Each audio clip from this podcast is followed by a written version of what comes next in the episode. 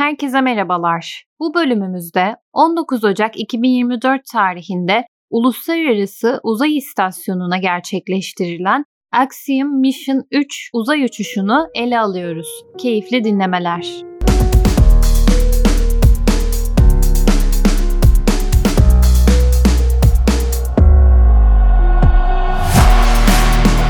Mücahit hoş geldin. Hoş bulduk Seda. Bugün 19 Ocak 2024 tarihinde Türkiye saatiyle 00.49'da Uluslararası Uzay İstasyonu'na gerçekleştirilen uzay uçuşu Axiom Mission 3'ü konuşmak için bir aradayız. Bu uçuş aslında üçüncü uçuş. Daha öncesinde bir, iki uçuşları gerçekleşmişti Axiom Mission adında. Üçüncü uçuş bizim için oldukça önemli çünkü uçuş içerisinde yer alan pilotlardan biri Türk. Yani artık Türk bir astronot var. Bu konuda ilerlemeden senin de genel bir bakışını almak istiyorum Mücahit.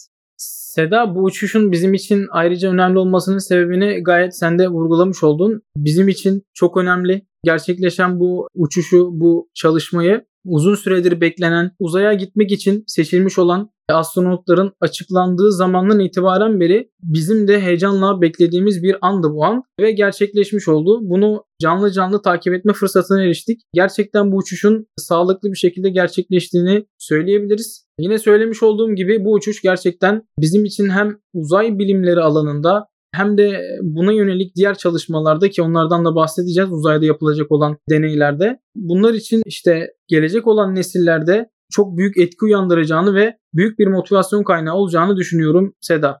Mücahit aslında Axiom Mission 3'ün uzay yolculuğu 18 Ocak 2024'te gerçekleşecekti. O şekilde planlanmıştı.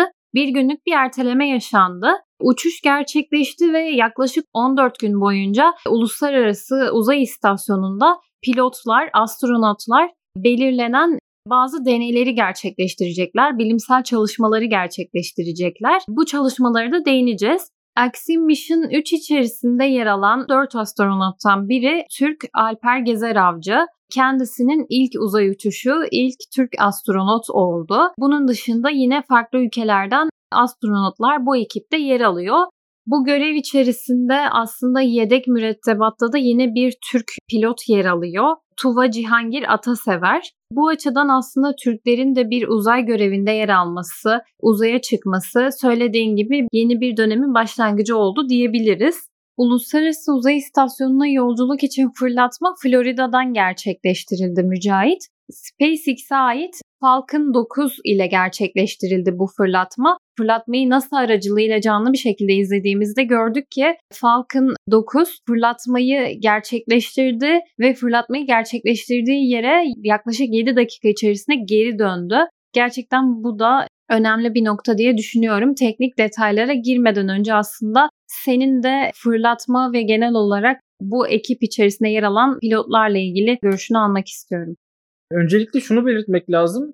Gerçekten uzaya çıkacak olan astronotların fiziksel olarak çok sağlıklı yapıya sahip olmaları gerekiyor ki zaten Alper Gezer Avcı da uçuştan önce yapılan röportajlarda işte dördünün birden ekranda olduğu bir görüşmede kendilerine sorular yöneltiliyordu. Burada bahsettiği gibi onun da işte çok sağlam eğitimlerden geçiyorlardı ve buna gerçekten hem fiziksel olarak hem de mental olarak hazır olunması gerekiyordu. Bu görevde bulunacak olan 4 astronotun da askeri pilotluk geçmişi var. Yani dolayısıyla işte belli G kuvvetlerine karşı olan dayanımları olsun. Bunun dışında şimdiye kadar yaşamış oldukları tecrübeler olsun. Yine her birinin bilimsel anlamda da geçmişlerinin olduğunu söyleyebiliriz ki yine Türk pilot olan Alper Gezer Avcı için de İstanbul Hava Harp Okulu'nda lisans eğitimini tamamlıyor. Lisans eğitimi de elektrik mühendisi olarak tamamlıyor. Daha sonra Ohio'da yüksek lisansa gidiyor. Ondan sonra da zaten pilotluk mesleğine girip bu şekilde hayatına devam ediyor ve şu anda ilk Türk astronot olarak karşımıza çıkıyor. Bunun yanı sıra senin de bahsettiğin gibi Falcon 9'un çok muazzam bir tekniği var, teknolojisi var. Bu teknoloji gerçekten biz canlı canlı izledik. İçinde bir Türk astronotun olmasıyla birlikte zaten tüm Türkiye bu ana şahitlik etmiş oldu. Falcon 9'a gelecek olursak burada aslında Falcon 9'un ön plana çıkmasının, önemli olmasının nedenlerinden bir tanesi de tekrar kullanılabilmesi. Yani uzaya gittikten sonra belli bir seviyeye çıktıktan sonra yani pilotların bulunduğu, astronotların bulunduğu Dragon kapsülünü belli bir aşamayı bıraktıktan sonra Falcon 9 ayrıldı. Ayrıldıktan sonra tekrar yeryüzüne gelmek için aşağıya doğru indi. Çok hızlı bir şekilde indiğini gördük. Kapsülden ayrıldıktan sonra yeryüzüne çok hızlı bir şekilde gelirken yeryüzüne yaklaştığında bir anda yavaşladığını gördük ki bu da inişte ne kadar muazzam bir teknolojinin kullanıldığını ki zaten aşağıda açılan paletler vardı. O paletlerin dengeleme sistemleri gerçekten muazzamdı. Yani beni ayrıca bir etkiledi zaten bu durum. Fırlatıldıktan saniyeler sonra aslında ses hızını geçtiğini de belirttiler yayında Mücahit.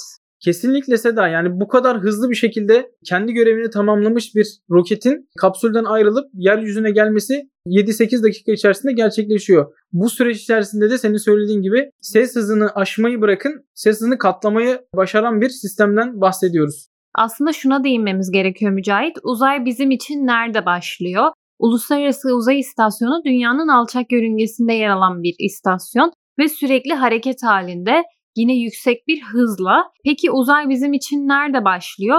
Aslında dünyanın yüzeyinden yaklaşık 80-100 kilometre yukarı gökyüzüne doğru çıktığımızda uzay bizim için başlamış oluyor. Uluslararası Uzay İstasyonu ise 400 kilometre uzaklıkta.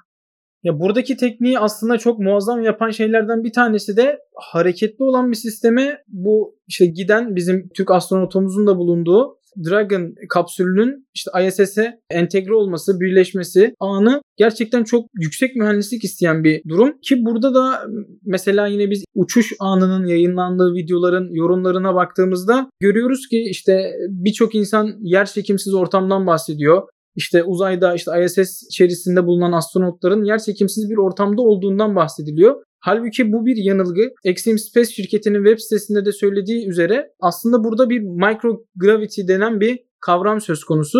Yani yer çekimsiz bir ortam aslında ortada yok. Yani yer çekimsiz bir ortamın olmadığını şu şekilde söyleyebiliriz. İşte yeryüzünün dünya merkezine olan uzaklığı yaklaşık 6800 kilometre civarında. ISS'in de yeryüzüne olan uzaklığı 400 kilometre civarında olduğunu söyledik.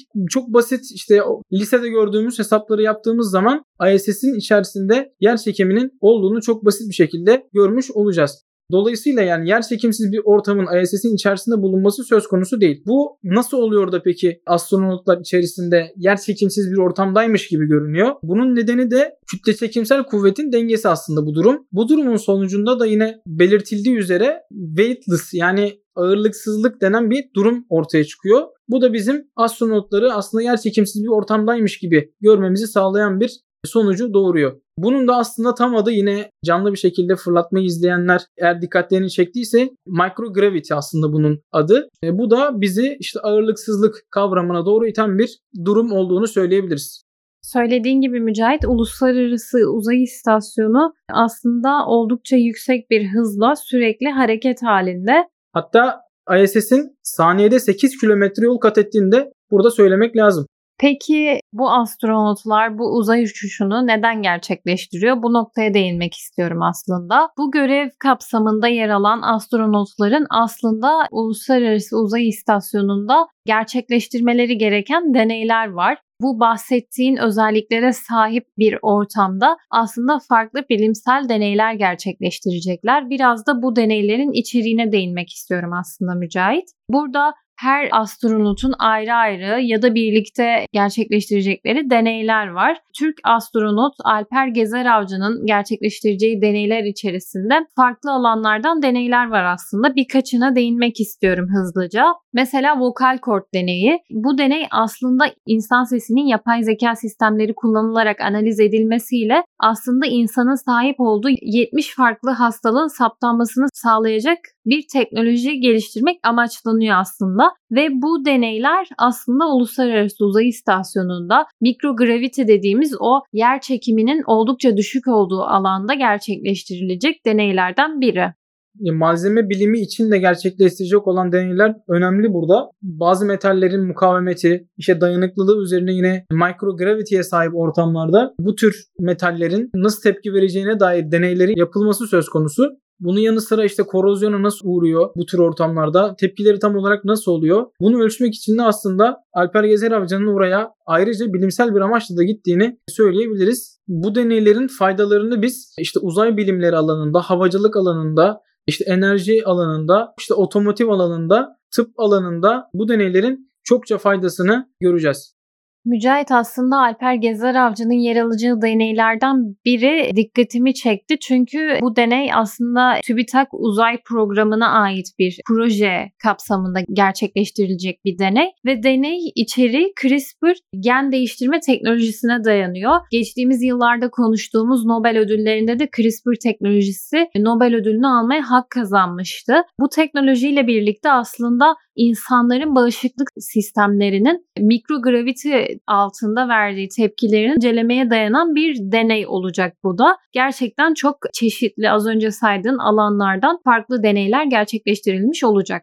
Deneylerden bahsetmişken ayrıca bu deneylerin gerçekleşmesini sağlayan şirket Exim Space'ten de bahsetmemiz gerekiyor. Şimdi Exim Space'in tam olarak hedeflediği şey bence bu tür olayların yani uzaya gidip deney yapmanın normalleştiği artık ki gördük zaten uçuşa ait rozetin takıldığı anda bir önceki uçuşlara ait olan rozetlerin ne kadar fazla olduğunu gördük. Bu da gerçekten bu kadar çok uçuş gerçekten yapıldı mı? Yani ben gördüğüm zaman şaşırdım. Bu uçuş gerçekten bu insanlar için artık normalleşmiş durumda. Yani normal bir işte şehir dışına, ülke dışına çıkarmış gibi uzaya çıkıp iniyorlar. Yani deneyleri yapıp iniyorlar ve bunun artık normalleşmesi söz konusu ki bunu da sağlayan şirket Exim Space. Sadece Exim Space mi var? Bunun yanı sıra tabii SpaceX'in de geçmişi var. SpaceX de bu tür çalışmaları yaptığını biliyoruz ama Exim Space'in şu an bizim de aşina olduğumuz ve gündemimizde olan uzaya giden ilk Türk astronotla birlikte gözümüze çarpan bir şirket olduğunu söyleyebiliriz Exim Space'in.